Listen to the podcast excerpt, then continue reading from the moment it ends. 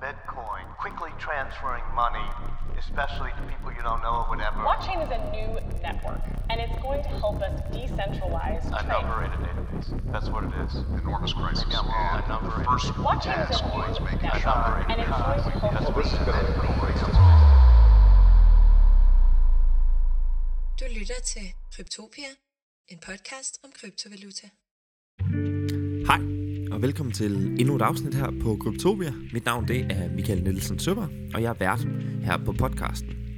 I dag der skal du høre vores NFT Small Talk, hvor vi har besøg af gæsten øh, Morten Rundgaard. Men jeg har selvfølgelig også besøg af Jimmy og Peter, som var med os i Hvad er NFT-afsnittet. Hvis du ikke har set NFT-afsnittet, så vil jeg gerne anbefale dig at gøre det. Det er et rigtig fedt afsnit. Og det er jo vigtigt at sige, at de her small talk afsnit, det er altså for nørderne. Det er her, hvor vi virkelig går ned i stoffet og bare skærer ud. Der bliver ikke forklaret de termer, vi snakker om. Og ja, generelt så er det jo bare fri leg i kryptonørdernes verden. Men før vi går i gang, skal jeg selvfølgelig huske at sige, at vi tillader os at tale ud fra vores egne og subjektive holdninger og erfaringer. Det er derfor meget vigtigt at understrege, hvis du ønsker at investere i kryptovaluta, så husk altid at lave din egen research. Og med den korte præsentation vil jeg nu byde velkommen til Morten, Jimmy og Peter. Værsgo og fyr den af. A number in a database. That's what it is. Og velkommen til øh, endnu en small talk her på Kryptopia. Mit navn er Michael Nielsen Søberg, og jeg er vært her på podcasten. Til venstre for mig, der sidder Jimmy Hans Steiberg. Under Jimmy, der sidder Morten Rønsgaard fra Reality Gaming Group. Og under mig, der sidder Peter Galardi Mikkelsen. Radio 4, de havde ufattelig svært ved at udtale dit mellemnavn. Du blev simpelthen kaldt Gelaldi øh, hele tiden. Jeg blev ved med at sige, hvor er han nede, altså Galardi. Men øh, ja, det må du sgu undskylde, Peter. Jeg tror, det er mest min storebror, der bliver ked af det, når han hører det meget roligt. Jeg vil nok. sige, det slår altså ikke mit, uh, Michael, fordi min egen bank har skrevet røvgård til mig faktisk. Nej!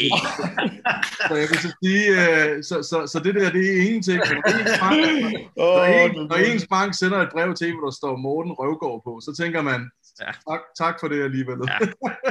så, Jeg skal skifte bank, kan jeg godt mærke. Ja, nå, det har jeg også gjort, så bare. Ja. Fedt. Vi har jo haft en sindssygt spændende tam- samtale omkring, øh, hvad er NFT? Og øh, har man ikke hørt det afsnit endnu, så vil jeg kraftigt anbefale, at man lige øh, hører det igennem, før vi begynder at snakke. Fordi som I ved, så er Smalltalken jo et sted, hvor vi nørder fuldstændig ud, og her forklarer vi altså ikke alle de, de termer, vi sidder. Der får Jimmy, Morten og Peter altså bare lov til at give fuldstændig frit spil, og så prøver jeg ligesom på at, at hænge på. Øh, Peter, jeg ved, du, øh, du gerne lige vil tage øh, første spørgsmål, så jeg lægger lige bolden over til dig her i, i første omgang. Jamen, det kan vi da godt.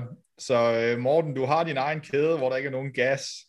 Hvordan tjener I penge? Altså, er det ren consulting, I bygger ting for folk, eller hvad er det ligesom, I, øh, I fokuserer på? Jamen, vores chain øh, byggede vi udelukkende, fordi vi skulle bruge øh, chain til vores egne projekter.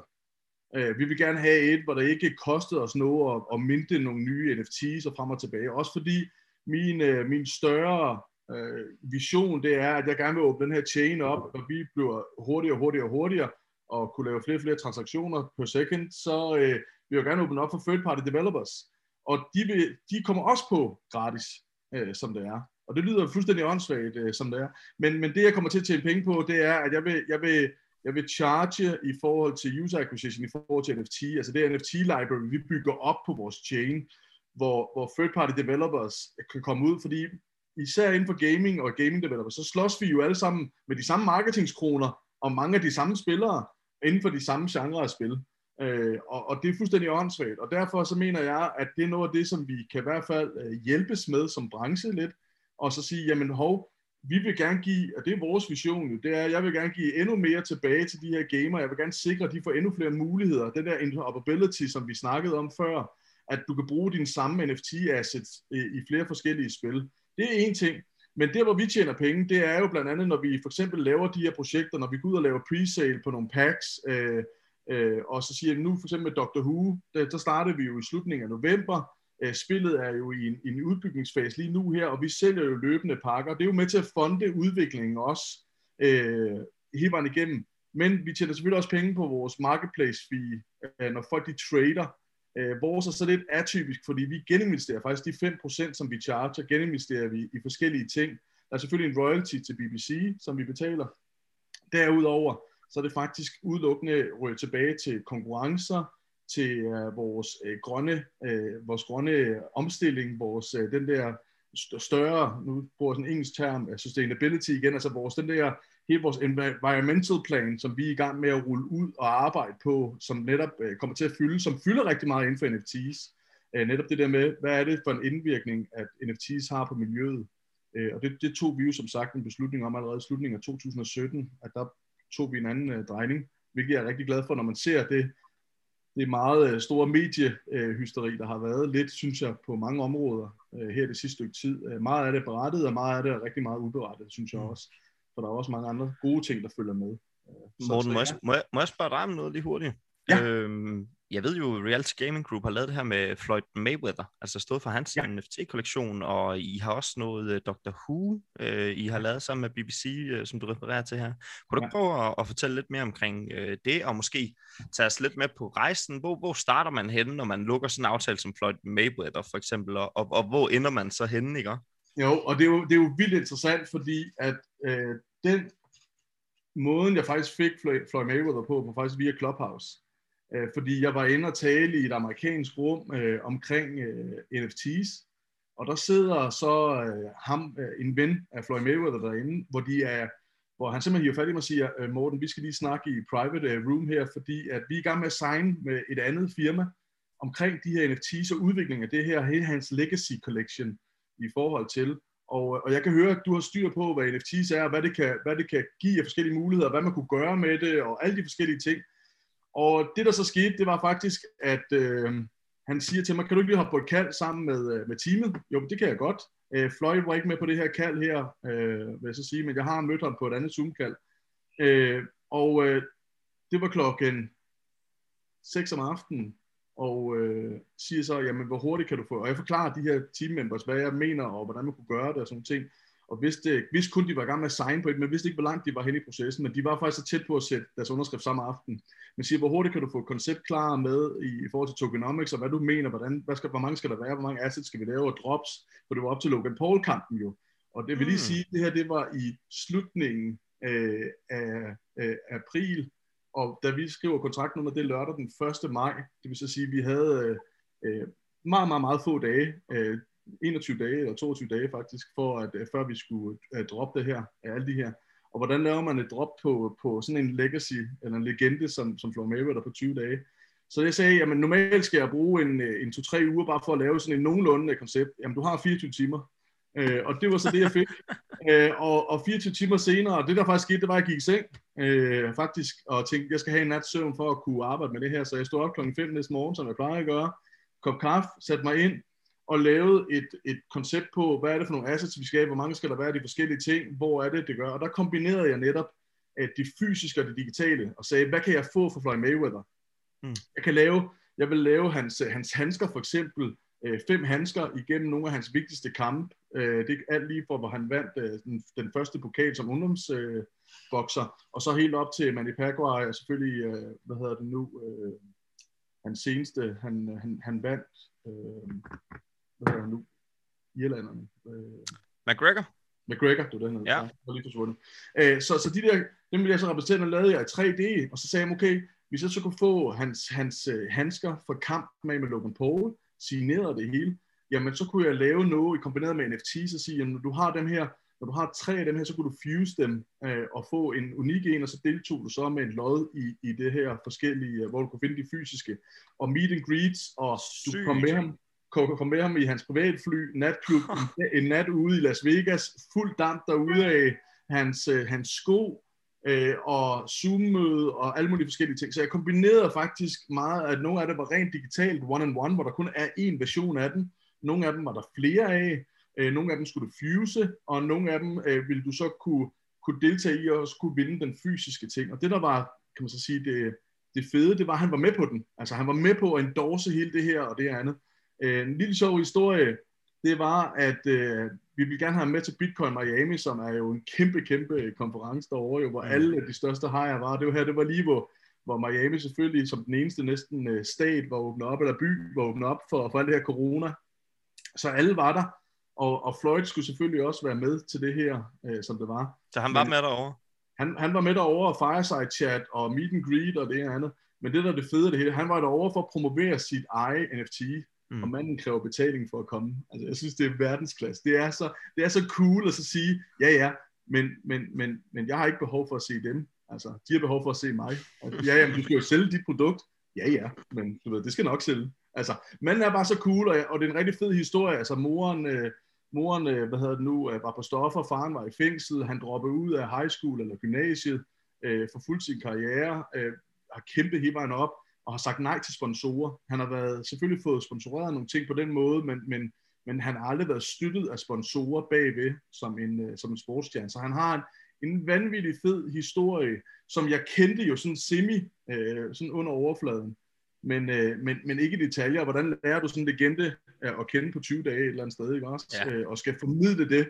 Øh, øh, altså, det var en, en kæmpe ære, og nu har vi ham så de næste 11 måneder, så vi, vi, vi laver en masse drops her over de næste 11 måneder, øh, hvor vi kommer til at arbejde med forskellige ting, faktisk også inden for NFTs, og, og laver nogle af de her ting, hvor de også unlocker nogle andre ting. Og sådan nogle ting. Så, så vildt spændende, vanvittigt spændende. Og hvad med det her? Øh, ja, helt sikkert. Det er vanvittigt spændende. Ja. Ja. Og virkelig tillykke med, I, I landede aftalen med ham. Ja. Det er jo øh, kæmpe, altså. Øhm, øh, hvad med det her Dr. Who? Ja, de der handsker der, de lugter også lidt bedre 3D, tror jeg, digitalt. Det tror jeg, du har fuldstændig Det ret tror jeg, i. du har ret i. Ja, ja, Men, men øh, og også handskerne, det sad jeg tænkte på, dem har du haft det fysisk i hånden simpelthen. Ja, ja nu, desværre var jo den ud, jeg skulle faktisk have været til Miami jo. Altså, Mm. jeg kommer jo fra Dubai af, direkte ned og tale nede på uh, AIBC dernede, konference, skulle være fløjet hjem, lige have vasket tøj og fløjet videre til Miami. Uh, det, der sker, det er simpelthen, at jeg blev ramt af corona på vej hjem. Uh, Nej. Så jeg får det rigtig skidt faktisk den dag, jeg skal afsted, og tænker, at det her, det, er- det er noget rigtig lort. Selvom jeg har en negativ test, faktisk, jeg blev testet syv gange på de her seks dage, jeg var i Dubai, men får det rigtig skidt, øh, faktisk, så det er. Så jeg, jeg kommer ikke med, og jeg sidder ikke ved ringside og fucking ser Floyd Mayweather øh, boksen mod Logan Paul, og det var så ærgerligt, Åh, øh, som det er, men jeg, men jeg har selvfølgelig set alle de assets, der blev afleveret videre til vores team, som er i USA, øh, og, og, og vi har også været på kald med ham og sådan nogle ting, hvor vi netop har snakket det der med, hvad, hvad kan vi arbejde videre med, hvad for en historie, fordi jeg skal, jo, jeg skal jo helt ind under huden på ham for at forstå, hvad det er, vi skal formidle, hvad er det, du har været igennem, hvad er det, du gerne vil selv udstråle, er det, er det, er det du ved, fortælling om dig selv, eller er det mere den der, du ved, glamourøse bling bling mm. og alt det der, fordi det er jo det, han er kendt for jo. Ja, præcis. Ikke også? Og det er jo også det, vi har formidlet i den første drop, vi har lavet her, så, hvor vi blandt andet har lavet en boksebold. Hver gang han slår på den, så, drysser det ned med penge, og jo hårdere han slår, jo mere drysser det ned med penge. Fordi det er sådan, han gør. Det er jo det, han er jo. Altså. Ja. Øh, men, men det er vanvittigt spændende. Og det er jo så også åbnet op for nogle helt andre nogen nu, fordi nu bliver vi jo kontaktet af rigtig mange andre, som siger, jamen hov, det jeg lavede for Floyd her, vi kunne også godt tænke os at lave noget, og, og jeg har nogle andre idéer, så det har jo også åbnet noget business op for os. Øh, men BBC kom jo før det, vil jeg så lige sige. Ja, og Øh, kan, vi- kan vi få, øh, ja. jeg vil ikke sige samme historie med dem, men, men kan du prøve at fortælle lidt om, hvordan lukker man en aftale med Dr. Who? Det det er jo også kæmpestort, at, Ja, men øh, det- at man det- får sådan det en meget- igennem. det er meget specielt, fordi at vi har jo været i udvikling siden 2017, og faktisk kommet ud med vores eget reality class, og vi vandt nogle forskellige priser for det, og inden for blockchain, og blev så i 2019 øh, stemt ind som top 25 blockchain company øh, ud, af top, øh, ud af 50, øh, hvilket var vanvittigt flot. Vi lå foran nogle af de andre, fordi de var slet ikke øh, Ubisoft og dem, og var jo ikke inde og havde den samme viden, som vi havde. Øh, og det gjorde så, at vi... Øh, Ja, vi hivede fat i BBC, vi mødte dem over i øh, noget, der hedder Pocket Gamer Connect over i London, øh, og så sagde jeg til dem, jeg prøver, I har nogle forskellige IP'er, som vi faktisk synes er interessante, som vil egne sig rigtig godt inden for gaming og inden for blockchain. Men det var jo også BBC, og de er jo øh, mildt sagt måske en del konservative, når man lige sådan umiddelbart øh, kigger på dem. Øh, og vi var meget overrasket, så jeg gik faktisk tilbage og lavede et koncept, øh, det tog cirka fire måneder, så havde vi sådan et basiskoncept. Hvad er det for et spil, vi gerne vil? Vi vil gerne lave et trading card game, vi vil gerne kigge på Doctor Who, som er jo verdens ældste sci-fi serie fra 1963. Øh, og, og havde faktisk lavet et helt øh, trading card game koncept baseret på det. Et mix imellem, jeg vil sige, Hearthstone og Magic, og lidt noget andet, noget Gods and Change. Okay. Øh, og, og sådan selv, og krydrede det med vores backstory i forhold til Doctor Who, altså alt det, den der dybe historik, der ligger.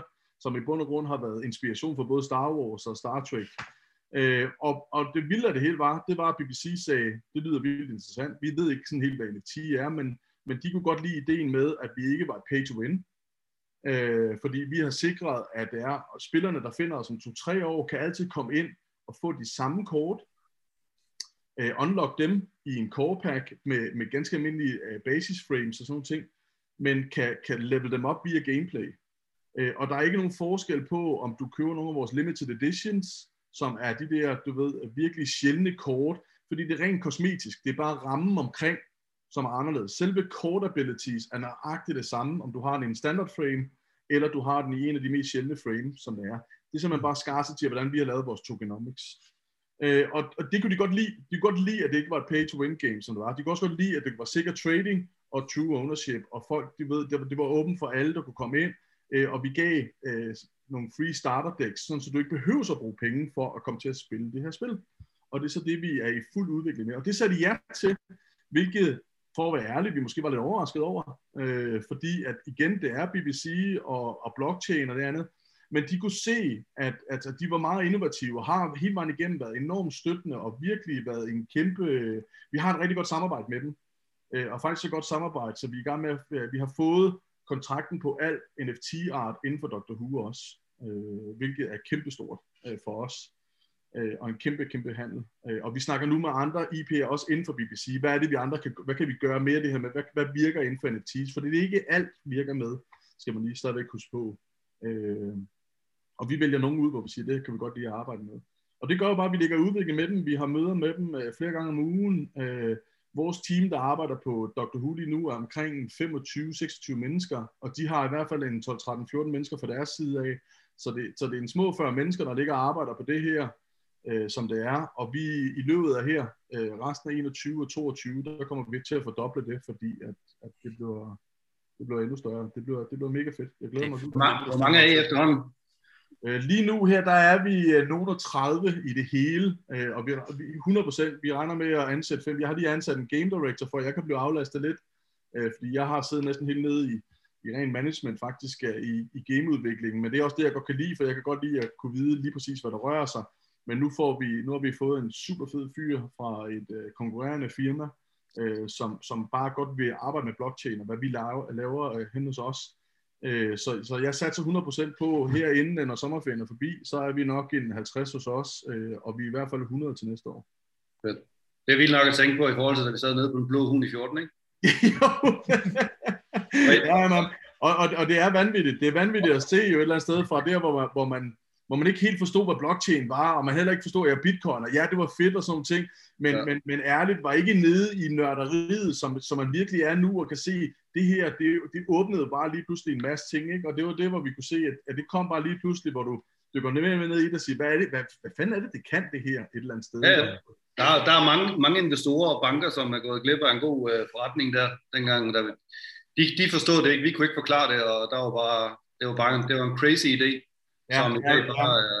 har udviklet sig. Det er fedt at høre. Det er rigtig, rigtig fedt Ja, og, og det er jo det, hvor vi ser her nu, hvor vi har kørt, og det er jo det sjovt at se, siden at, at vi gik i gang med det her, der har vi jo haft hele, hvad jeg vil kalde krypto-delen på den ene side, og så har vi haft gaming NFT-delen på den anden side. Og de har kørt sådan parallelt jo, som sådan et eller andet sted. Men det er jo først nu her med DeFi, vi begynder at se nu, at de begynder at krydse lidt over mod hinanden, og, og begynder at sige, at hov, der er sgu der nogen over på den anden side, som rent faktisk har noget, vi kan bruge. Og det samme går vi jo på gaming-siden og siger, hov, altså der er noget herovre, der kan noget.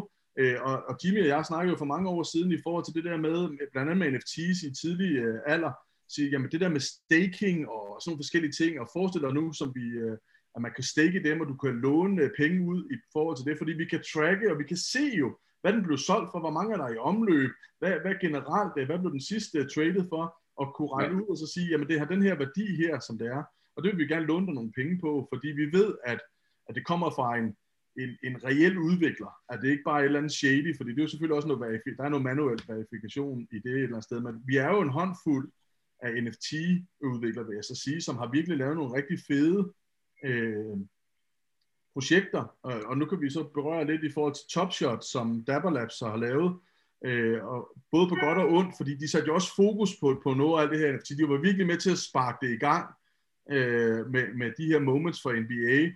Udfordringen har altid været, som jeg altid har sagt, hvis du laver en NFT, så skal der også være noget, du kan bruge den til, fordi ellers så vil du kunne blive set som security, og det er jo lige præcis det, vi ser med Dapper ja. nu, det er jo, at de rent faktisk bliver sagsøgt, og nogen siger, jamen, jeg solgt nogle moments, og så kan du altid diskutere, er det så nogle minder, hvordan og hvorledes, øh, altså, det er sådan en gråzone, og jeg kan godt forstå, at man måske prøver det af, og det er også derfor, de er travlt med at udvikle et spil nu, fordi så er der noget utility til den, øh, ja. men, men, men det er jo netop det der med, som jeg altid har sagt, der skal være noget use case til. Du skal kunne tage den her NFT, hvis du påstår, det er en utility token, så skal du også kunne bruge den til et eller andet. Ja. Øh, det er jo derfor, vi altid har sagt, der skal være et spil i forhold til, ikke? Så, så ja. vanvittigt spændende. Ja. ja, det er fedt. Men det er fedt, det er fedt at følge med, fordi altså, nu, nu er jeg jo øh, i, i forskellige kryptogrupper omkring NFT og primært gaming og det videre og så videre. Så der, øh, altså, der, der er jo rigtig, rigtig mange, der ligesom snakker om, øh, om engine og alle de der forskellige, øh, altså hvor, hvor er I i forhold til, til, til dem? Altså sådan, fordi de, de bliver jo altid et eller andet sted præsenteret som kongerne. Ja, øh, gaming token. Ja, det, det er ligesom dem, der har gaming-verden, hvor jeg siger, jamen det er det overhovedet ikke. Og, og det, der har jeg jo ret store diskussioner ofte med folk, fordi at, øh, at de er jo gode til at markedsføre sig, hvor I kører sådan lidt under radaren et eller andet sted, ikke? Altså det er lidt ligesom okay. Celsius, de, de kører også under radaren, hvad det angår. Øh, fordi at man, man praler ikke så meget, altså man, øh, man ved godt, man kan, og man ved godt, at man er, har en god placering i det her. Det er jo lige, det er jo lige præcis det, for du kan sige, der er to, øh, jeg synes Engine, efter de rørede på den der japanske øh, del over, så synes jeg, at de, de ændrer deres forretning sådan ret markant, som det var. Men ellers har de jo hele tiden nogen, og vi har jo, vi sagde jo allerede med Dr. Who, der havde vi møder med dem og sige, prøv at høre, vi vil gerne øh, tilbyde, at vi faktisk kan tage imod engine tokens, altså så jeres brugere kan bruge engine tokens til at købe her. Det var de ikke interesseret i, fordi de ved, ud, vidste udmærket godt, at så, øh, så drænede de deres eget øh, økonomi. Øh, simpelthen. Ja. Så de sagde simpelthen nej øh, til det, øh, at deres brugere ikke kunne gøre det. Vi har selvfølgelig, kan man så sige, fundet andre muligheder, og det er sådan ting, men, men Engine har vi ikke rigtig rørt, fordi at jeg synes, at de har, de har gjort det rigtig godt, altså ærligt, jeg synes, de har gjort det virkelig godt, ja, god platform, men det er nogle dårlige spil, altså det er dårlige spil, der er der over på, som ikke rigtig gør. Når du tager Wax, som måske også er nærliggende, de var også ude i 17 og lave en ICO, jeg tror, de rejste hvad, 70-75 millioner dollars, øh, lavet en rigtig fin platform på mange områder, øh, har heller ikke rigtig altså, kan man så sige, slået igennem, fordi de igen er meget øh, centraliseret, øh, som ja. det er. Og, og jeg har heller ikke noget mod, som jeg sagde i starten, øh, giver heller ikke altid mening for mig, sådan rent businessmæssigt, hvorfor skulle jeg åbne op? Men jeg kan bare sige rent marketingsmæssigt, det med, at du åbner op til andre netværk, det er det, der er det hele værd. Altså det er jo brugeren selv, der har udgiften, så man så sige, jeg sidder jo bare nogle gange og tænker på, hvorfor fanden, fanden bruger en bruger 40 dollars på at flytte den her asset derhen på, men det er jo brugeren selv, der vælger det. Ja. Øh, så, så på den måde, så kan jeg kun være glad med at så sige, da vi åbnede op for vores mainnet, der røg jo 300 assets med samme år på OpenSea, og prøv at se her, og det giver jo marketing for os, det giver branding, der kommer nogen ind, og, og det er jo der, hvor det giver mening. Der kommer nogen ind, som aldrig har fundet os før, finder ja. en Dr. Who asset inde på OpenSea og siger, hold kæft, eller en reality class weapon, hold kæft, og der er 10.000 til salg lige nu her, tror jeg, på OpenSea. Øh, Gud, kan jeg faktisk bruge det her våben med det samme i et spil? Så, så på den måde laver vi jo user acquisition med det samme faktisk via den her NFT, via uh, OpenSea ja. eller de her third party. Men jeg tror, jeg tror også, det har noget at gøre med selve indgangsvinklen til, hvordan det her det startede. Jeg kan huske dengang, da vi sad og snakkede om omkring, at, at spillet i sig selv, ja, det var fedt, men det var dataindsamling i forhold til, hvor folk befandt sig henne, inde i bylivet, eller foran en café og offentlige ting og alle de her forskellige ting. Så man kan sige, at hele indgangsvinklen har jo hele tiden været et, et virtuelt marketplace et eller andet sted, hvor man, øh, hvor man ligesom kunne sælge data til fysiske forretninger og sige, jamen prøv at, her er det kl. 12, mellem 12 og 13, jamen der har der været 50 mennesker ude foran i en butik, øh, kan vi se, fordi de har spillet det her spil her. Hvad med en virtuel figur, der står her og fortæller lidt om nogle tilbud, eller alle de her forskellige ting. Så man kan sige, at indgangsvinkelen har jo hele tiden været marketing et eller andet sted. Og så er der jo så bygget alle de her ting på, for ligesom at få det her til at fungere. Og så er det jo bare stukket helt af, fordi at NFT-markedet lige pludselig blomstrede. Og, ja, vi så jo uh, Pokémon Go gøre lige præcis det der, hvor jeg ja, huske på København, da det kom, og Burger King uh, midt inde på strøget købte jo de der, hvad var det, de der spawns, hvor der spawnede, ja, lige præcis men, der. Men, men Michael, for folk... Michael, vi havde faktisk en aftale på et tidspunkt, jeg ved ikke, om den blev, blev endelig gjort, eller det blev droppet igen. Vi havde faktisk en aftale med Red Bull omkring, at man kunne samle Red Bull token, og så gå ind i 7-Eleven og få en fysisk Red Bull udleveret. Sygt. Øhm, så, så, så det var det, der var hele ideen med det der med, at man ligesom allerede, og det hed jo ikke NFT'er dengang, det, hed, det fandtes jo ikke, Nej. hele det der space der, der vi, der mig og Morten, vi nørdede over det øh, en, en sommerdag øh, over en øl? På Frederiksberg. øhm, så så, så det, er det er jo super fedt, også fordi nu, nu følger jeg jo med i, hvad Morten og dem de laver, men jeg sidder jo ikke sådan øh, hands-on, altså virksomheden er jo blevet så stor, og øh, altså der, hobbyforretningen og idéerne, de der, de, de, øh, det er lang tid siden, ikke? Så, øh, så det er jo fedt ligesom at høre. Jeg får en gang melde lidt information, og sådan, øh, "Nå, nu har vi lige gjort det, eller nu skal vi til at gøre det, og det ene andet. Øh, men, men det er jo, det er jo sindssygt. Altså, men, det, men det er nemlig stukket helt af. Jeg må sige, corona har også ændret meget af det i forhold til, fordi det, hvor vi også adskiller os, det er, at vi bruger AR-kitter, som Pokémon også gør jo. Men den store, store forskel, det er, at Pokémon laver jo, hvor de bare øh, tænder kameraet og sætter noget virtuelt ind på ja. en reel baggrund. Det samme med Harry Potter og nogle af de andre. Vi skaber jo en 360-graders virtuel verden. Altså et metaverse skaber vi jo med telefonen via Reality Class. Det vil så sige, den verden, du træder ind i, øh, er, er virtuel. Du kan rende rundt med den, du kan dukke dig, din avatar bevæger sig fuldstændig som du selv gør, så hvis du løber, så løber din avatar også, dukker du dig, hopper du, øh, glider du til venstre, jamen, så gør øh, avataren nøjagtigt det samme, du kan kigge omkring hjørner øh, og, og de forskellige ting. Og det er jo så der, hvor Reality Class har været, været, været både nemt og godt, fordi det var ny teknologi, det var augmented reality, som var forholdsvis nyt. Vi, vi, videre, altså, vi udviklede jo side om side med Niantic dengang. Jeg var på et panel sammen med Ross øh, fra Niantic, som er deres øh, CEO derovre, hvor, hvor jeg var meget pro-blockchain, og han var slet ikke imod, han var slet ikke på blockchain overhovedet. Og, og, og det, jeg har jo altid drillet ham lige siden, for at sige, hvornår er det de der fucking Pokémons, de skal på, øh, på, på, på blockchain, så hiver du fat i mig, ikke også? Mm. Fordi vi havde et vedmål dengang, hvor der var, han sagde, jamen prøv at høre her, jeg vil ved med, at I kommer blockchain. Han sagde, det kommer vi ikke. Øh, og jeg tror bare, det er et spørgsmål om tid. Altså det vil, det vil vælte øh, hele NFT-markedet igen, hvis det er Pokémons, de kommer på. Men de har jo udviklet deres, deres AR-map i stedet for, altså hele den der platform i forhold til, det har de jo fokuseret på i forhold til 5G, det kunne de jo godt se vil være. Øh, men jeg tror, det næste, helt klart, det er, at øh, vi kommer til at se, at de kommer ind i NFT-space øh, på en eller anden måde. mm. Øh, og så må vi prøve at se, hvordan der vil ledes. Men, men det er interessant at se, hvordan hele det her marked har ændret sig. Og lige nu her er det netop det der med, at vi kan se med vores virtuelle verden, at vi kan sælge reklamer ind i. Vi er, de første, vi er den første uh, iOS-app, som rent faktisk får, øh, får interaktive reklamer ind i vores, øh, vores virtuelle verdener. Øh, som Coca-Cola-reklamer og sådan nogle ting, øh, kan, vi, kan vi i bund og grund tracke. Hvis du kigger på den i mere end en sekund, så tæller det som klik. Øh, ting som det, øh, kan vi arbejde med eller andet sted. Og det er det, vi arbejder med med de her interaktive reklamer inde i vores virtuelle verden. Mm. Det er jo vanvittigt. Altså, Ja. det, det, det, det er jo... Det er jo Det undskyld, er next level shit. Det er jo fucking crazy, det der. Og, og kan du prøve lige at fortælle lidt mere omkring, øh, omkring det? Altså, hvordan, hvis, du, øh, hvis jeg skal prøve at visualisere mig, øh, altså, øh, og først så tror jeg, det er vigtigt lige at få det her reality clash øh, formuleret, fordi jeg ved ikke, hvad det er. Øh, Nej. er det, hvor jeg tager VR-briller på og står Nej. ind? Eller, nå, okay. Du, du, har- du har simpelthen din telefon, Ja. Ja, og du har en app, og den tænder du. Vi, vi bruger bare selve AR Ja. inde i telefonen. Det bruger vi på en helt anden måde, end hvad Pokémon gør. Okay. Så det, der sker, det er, at vi aktiverer det AR-kit herinde, eller AR-kort, hvis det er en Android. Mm. Øh, og det, der gør, det er, at sådan en portal åbner sig. Du træder ind i den portal, ind i den verden, den lukker sig bagved, øh, og, og så er det en virtuel verden, du bevæger dig i, med søjler og med farver, og der er reklamer og sådan noget. Næsten ligesom Ready Player One i bund og grund Sygt. øh, som det er. Selvfølgelig i mindre format, for der er nogle store baner, der er nogle mindre baner. Vi skal også passe på, at du ikke bare har været ude på vejen og frem og tilbage. Der er selvfølgelig Ja. ja. mange overvejelser med det. Men, øh, men der er det simpelthen på forskellige søjler, så viser vi forskellige reklamer, øh, der, der er kommet ind her. Vi venter lige på, at Apple er i gang med at godkende det sidste. Alt er klart, og vi venter bare på at pushe det. Så det bliver vanvittigt spændende at se, hvad det kommer til at rykke. Og det gør jo også, at vi faktisk også kan sælge den her branding netop i, som, som, som Jimmy snakkede om, i, i, uh, i byer. Det kunne være, da vi overtog for eksempel uh, i 2018 eller i 19, jeg kan ikke engang huske det, der overtog vi Soho Radio uh, med Jægermeister, faktisk. Og der, der havde vi hele vores uh, arena omkring London, uh, inde i, ved- jeg tror det var to eller tre kilometer.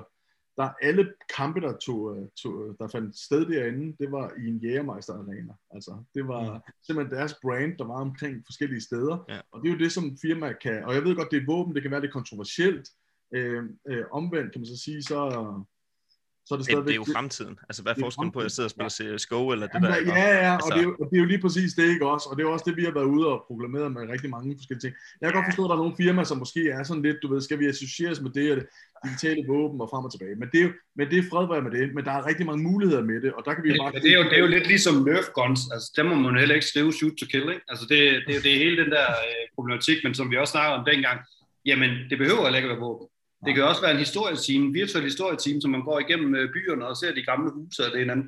Men jeg kan huske dengang, at øh, det vil være nogle år siden faktisk, hvor at Apple faktisk, hver gang at man tog screen dump af, af spillet, så lavede den bare en sort skærm, fordi at øh, virkelighedssensen i forhold til det våben, du stod med i hånden, og de omgivelser, du var i, var simpelthen så virkelighedstro, at de var bange for, at man, øh, man, man, man, man sendte de her billeder rundt, og folk de så lige pludselig troede, at der løb folk rundt i gaderne med, øh, med, med Og det- flammekast. og. Og, og det er helt rigtigt, fordi det var faktisk et problem, fordi først havde vi, havde vi uh, lavet, ikke lavet de her virtuelle verdener her, men problemet var bare, hvor vores, vores våben, vores lyd, var så simpelthen så realistisk, så hvis du bare, du bare lavede sådan et, øh, et videorecord af det, så kunne du stå på Tower Bridge for eksempel, og der kunne, jeg skulle sige, der var en 3-4 mennesker, som løb væk, øh, og så kunne du stå og skyde efter den, øh, selvom du ikke, øh, de kunne ikke se, hvad du lavede jo, men du kunne bruge det som propaganda i forhold til terrorisme og frem og tilbage.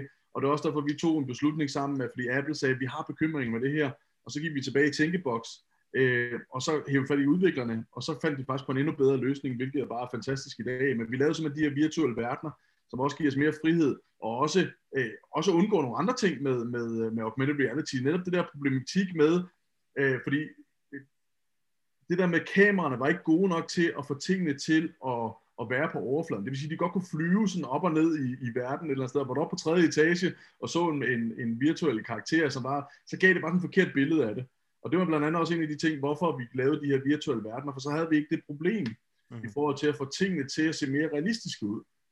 Og vi arbejder så lidt på nu at lave det over i et e-sports format, lidt øh, som man har set i Call of Duty, hvor du kommer ind i, øh, i deres, øh, jeg kan ikke engang huske, hvad den hedder, øh, når de bliver skudt, eller de får en ekstra chance. Øh, så vi arbejder lidt på, hvordan kan vi lave det her, måske som sådan noget warm-up til nogle turneringer frem og tilbage, lave vores egne e-sports turneringer, lave vores egen øh, tag team også, hvor vi har multiplayer nu, hvor du kan arbejde med flere indeni, øh, hvor du kan spille med dine venner og sådan nogle forskellige ting. Øh, og det gør bare, at vi kommer til at åbne mere og mere, mere op for det her et eller andet sted. Ikke? Og det er meget specielt, fordi det er jo netop blockchain, og det er augmented reality, vi arbejder sammen med.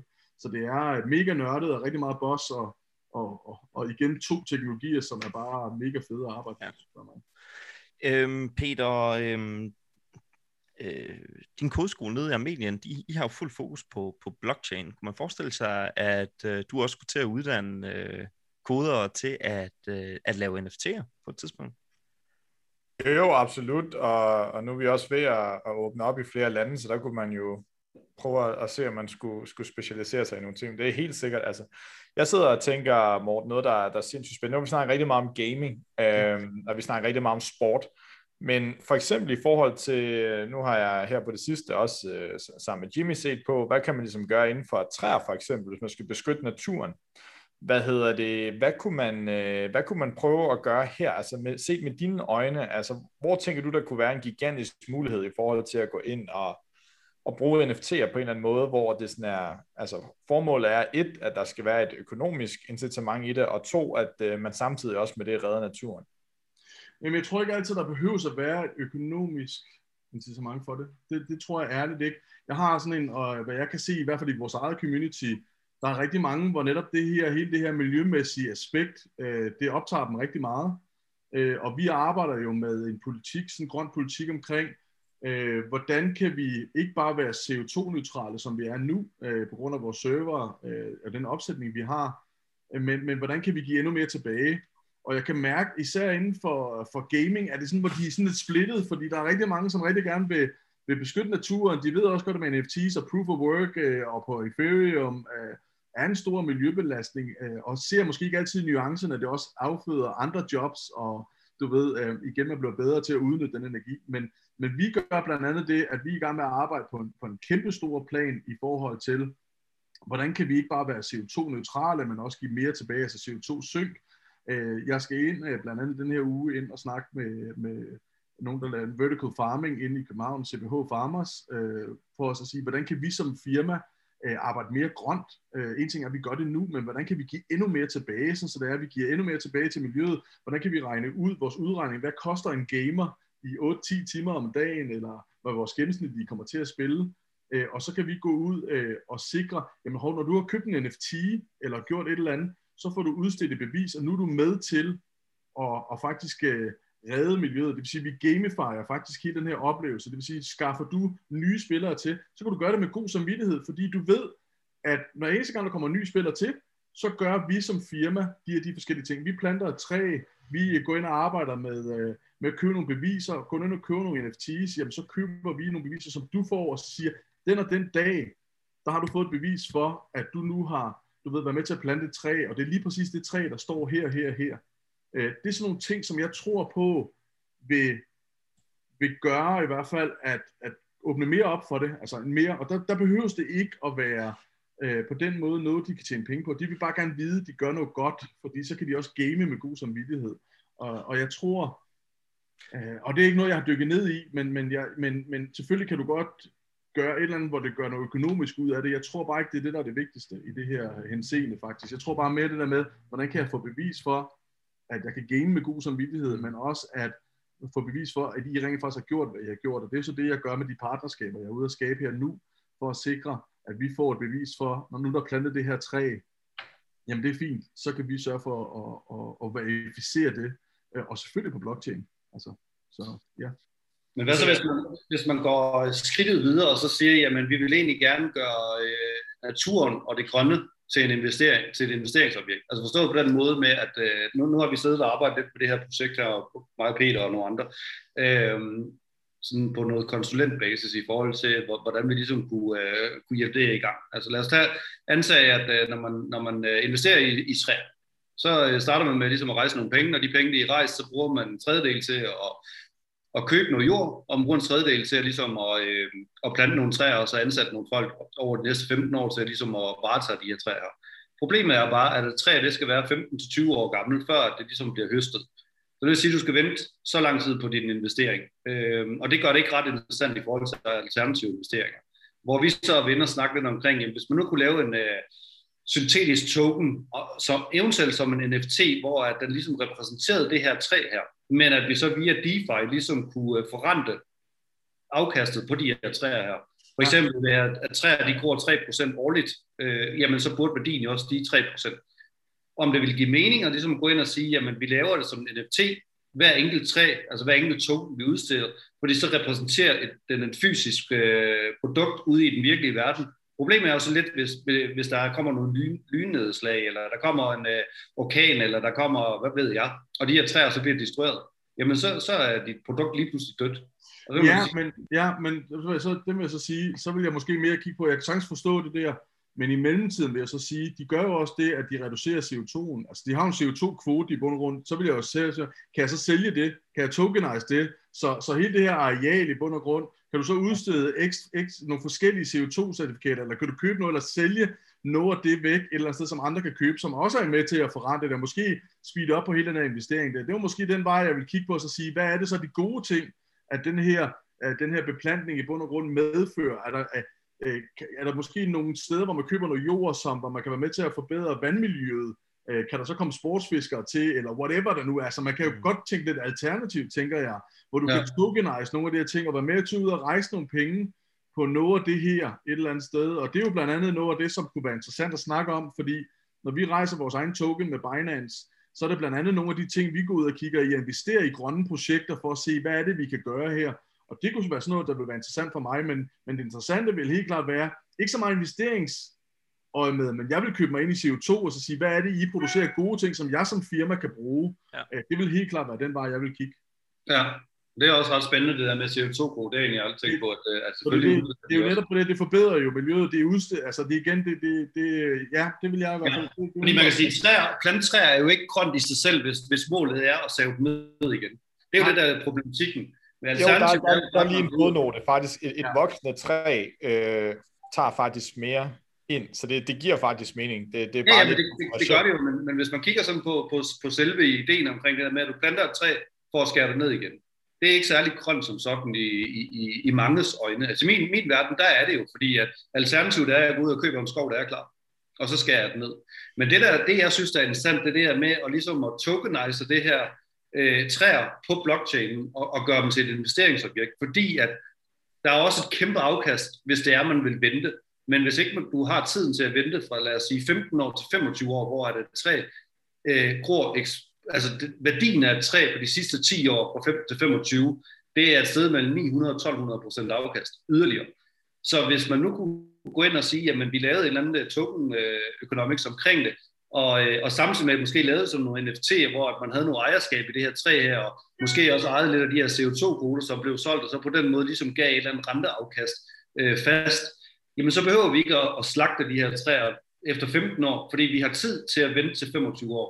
Men er det ikke fordi, du tænker, det er fordi, du tænker meget en og en investering, ikke? Altså, ja, men det er, jo, det, er jo, det er jo ren og skær, fordi i forbindelse med, at det skulle være et investeringsobjekt, et grønt investeringsobjekt, frem for og, og alt muligt andet, ikke? Det kan det godt være alligevel, og så skal du bare kigge på pensionskasser, som i bund og grund kigger langsigtet, ikke? Altså, ja. de har jo penge ja. til at kunne lave løbende ud, hvis de bare ved et eller andet sted, det er sådan og sådan og sådan, vi kommer til. Det, så er det jo i bund og grund fuldstændig lige meget, fordi de kigger langsigtet. Spørgsmålet er bare, det er jo så mere politisk, der hvor lobbyismen skal komme ind. Altså kan du få dem til at arbejde med efter at investere i flere i grønne projekter og sådan nogle ting her? Og det ja. vil de måske ikke gøre, fordi afkastet ikke vil være tilfredsstillende for aktionærerne. Så er vi jo inde i det der, hele den der konflikt i forhold til, at vi vil gerne med noget, fordi det er det grønne, ja. Øh, og omvendt, så skal vi også helt på, at vi skal tjene penge.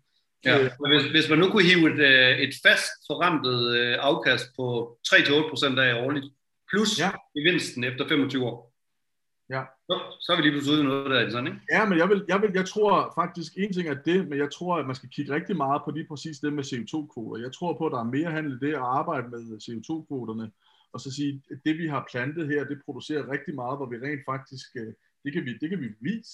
Altså. Ja, det er sgu måske ret i. Jamen, det har du ret i. Det, det, kunne være interessant, det kunne være interessant at prøve at kigge det, fordi det vil være noget af det, hvor jeg vil gå ind og så sige, som firma vil jeg rent faktisk gå ind og købe nogle af de CO2-kvoter, NFT's, Simpelthen ja. fordi, at det vil være med til at forbedre mit. Hvis jeg har nogle gamere, et nyt e-sporthold, som Capcom kommer ind og træner 24 timer i døgnet, øh, og kan se, det vælter måske, jamen så kan jeg måske købe noget af det der, fordi jeg kan se, det er noget af det, der passer godt ind i min portfolio i forhold til min grønne politik. Mm som firma. Ja, og samtidig så bliver det jo mere CO2-neutral ved at, ligesom at købe nogle Jeg skal hele tiden have en buffer øh, i forhold til ja. det, øh, som det er. Ja. Så det, det vil jeg helt klart 100% kigge på, øh, og det er det, jeg blandt andet kigger på i alle mulige forskellige afskygninger, fordi at jeg skal ikke bare spille ja. på én hest, men jeg skal kigge på flere forskellige ting, og, og CO2-kvoter er blandt andet en af de ting, som jeg kigger på. Men, men det, det hele det handler om, som vi igen snakker om, når vi snakker om blockchain, det er, hvordan kan vi verificere, at det er rigtigt? Altså, fordi det er igen, ja. det er, igen tillid, og det er det, som blockchain er rigtig godt til, men vi snakker stadigvæk om nogle fysiske ting nu,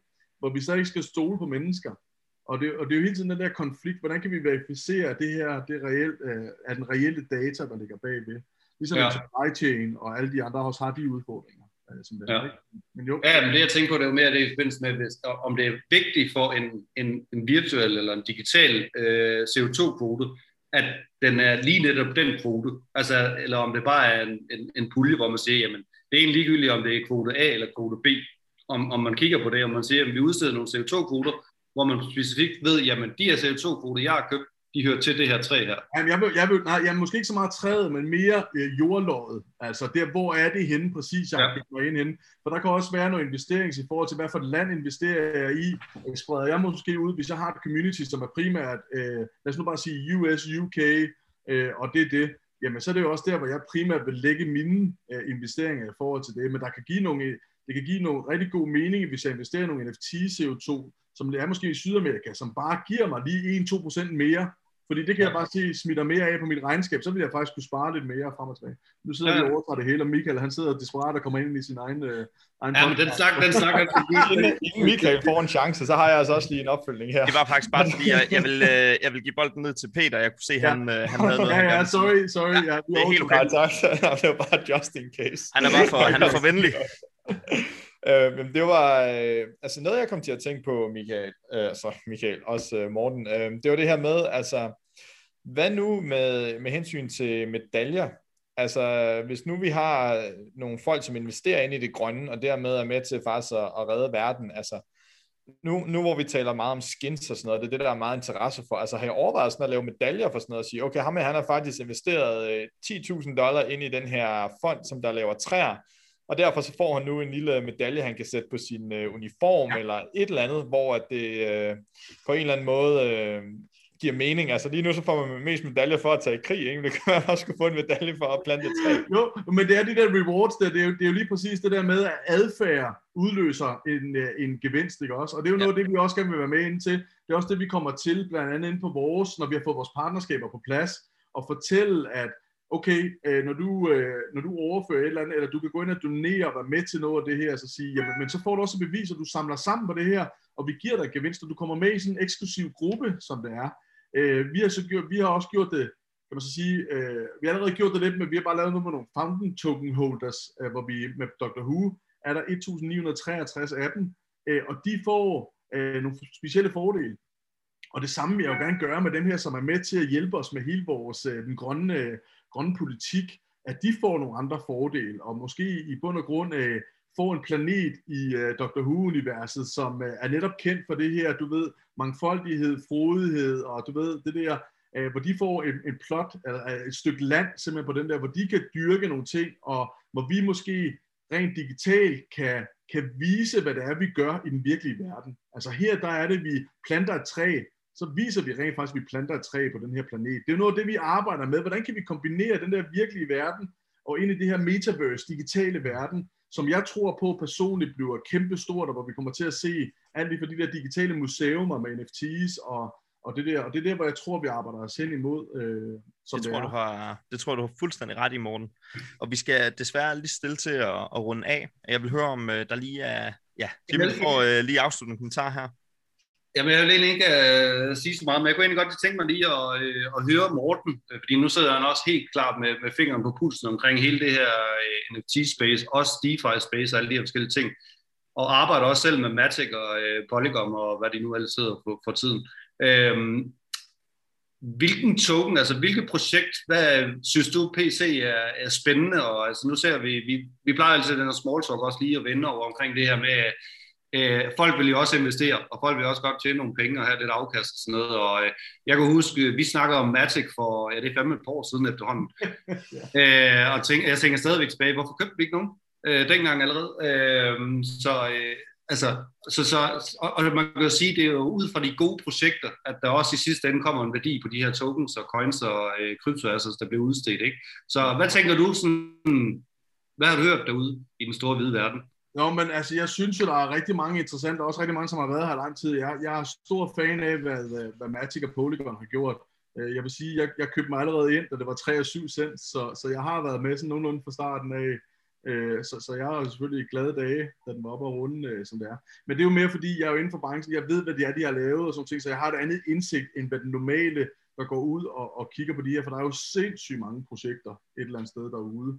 Ja. Øh, og jeg synes, det er rigtig svært faktisk at være med i, i det hele, især når du selv er i udvikling. Fordi det kræver også, at du dykker ned i noget af det og lærer lidt mere om det. Øh, men men ja, som, som jeg ved, i hvert fald Jimmy ved, så er jeg også kæmpe Celsius-fan, øh, som det er. Jeg synes, det er et mega fedt produkt, de har. Det er vi alle sammen herinde. Ja, okay, godt. øh, og, og jeg er selvfølgelig kæmpe Polygon-fan. Jeg vil så sige, at jeg er også rigtig stor uh, Binance uh, coin-fan. Altså, jeg synes, Binance har virkelig, virkelig øh, givet den gas og prøver virkelig at integrere. Jeg ved, nu kender jeg en masse af de ting, der også kommer fra Binance her løbende, øh, og det er ikke små ting. Altså, de, er, de går all in på integration med forskellige store brancher, som vi, øh, som vi kender. Øh, og det kunne være sådan noget som Booking.com, det kunne være hoteller, det kunne være billeje, yes. øh, rejser, altså forskellige ting, loyalty points, du kan bruge, uanset hvad for et flyselskab du er fra. Øh, det, det er vildt, vildt spændende. Og lige præcis det, jeg synes, der er mest spændende, det er lige præcis det der med brugeradfærd. Altså, og det er jo ikke kun relateret til NFTs, men bare i det hele taget. Det der med, at du kan have en masse kort på din, øh, og en masse krypto på din uh, telefon. Uh, du kan gå ned og se, hvis markedet kører opad, uh, og du for eksempel har tjent 200 dollars i dag, så din kort kan selv vælge at sige, at hvis du har sat den til det, og sige, du må godt bruge noget for det afkast, jeg har lavet i dag, så går du rent faktisk ned og handler helt gratis øh, fordi at, at, at vores kort, vores adfærd allerede ligger inde i den, den begynder at track det, det er det der igen kunstig intelligens på en fede måde, fordi hvis jeg står nede i Netto og siger, jamen jeg, jeg vidste måske ikke, at markedet er gået op, fordi jeg står sgu ikke hele tiden og tjekker, for det skal jeg heller ikke, fordi jeg er måske long på den, men jeg får måske op og sige, vil du betale med det her, fordi du rent faktisk kan handle gratis, fordi nu har du tjent 200 dollars på, øh, på, din, øh, på nogle af dine stocks, eller whatever det er på din, på din krypto. Øh, og så kan jeg rent faktisk handle gratis, fordi min telefon og min adfærd og min kort fortæller mig øh, det her, som det er. Det synes jeg er vanvittigt spændende, og det glæder mig rigtig meget til, og jeg ved, øh, Virex, jeg ved, der er nogle andre, nogle uh, Salamantix, nogle andre, der arbejder på det her, som er vildt spændende. Øh, og noget af det, som jeg virkelig ser, der kommer til at ændre øh, det der helt almindelige inden for almindelige uh, brugere, som bare måske, du ved, har lige investeret lidt, og en masse studerende, som sidder derude og siger, jeg smider din 100 kroner hver måned og investerer i noget, og lige pludselig går markedet bare opad, og, og de måske står sidst på måneden, og i stedet for at sælge, jamen hvorfor så ikke bare have et betalingskort, som rent faktisk fortæller dig og siger, nu har du lige tjent øh, 350 dollar på det her, det er gået op her den sidste uge, vil du bruge noget af det, eller vil du bruge for din almindelige kort? Øh, så er det jo et aktivt valg, du selv tager, øh, men, men, men det, at din, din, din wallet i bund og grund kan fortælle dig det, det synes jeg er vanvittigt spændende, øh, som det er. Ja. ja. Det glæder vi os i, i hvert fald også til at høre rigtig øh, meget mere om, når, øh, når det bliver videreudviklet. Ja. I skal have tusind, tusind tak for jeres tid, alle tre, øh, både til Jimmy, Morten og Peter. Hvor er det altså fantastisk at have øh, tre mennesker som jer, der gider og når et kryptovaluta med mig her i min podcast. Det er fandme fedt.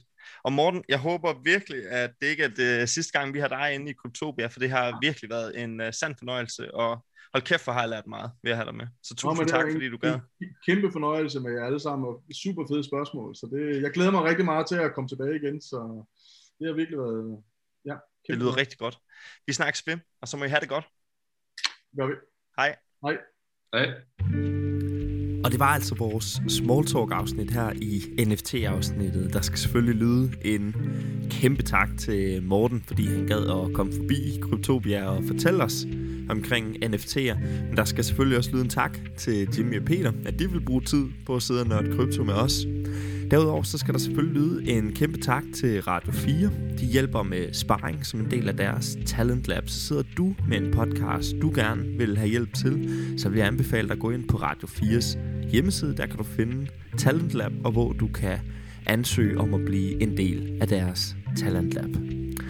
Derudover så håber jeg da, at du kunne lide, hvad du så. Og hvis du kunne det, så vil vi værdsætte et subscribe på YouTube eller en anmeldelse, der hvor du hører dine podcasts. Det hjælper os nemlig med at blive eksponeret yderligere til folk, der kunne være interesseret i kryptovaluta og vil lære om det. Mit navn, det er Michael Nielsen Søberg. Vi ses på månen. Du lytter til Kryptopia, en podcast om kryptovaluta.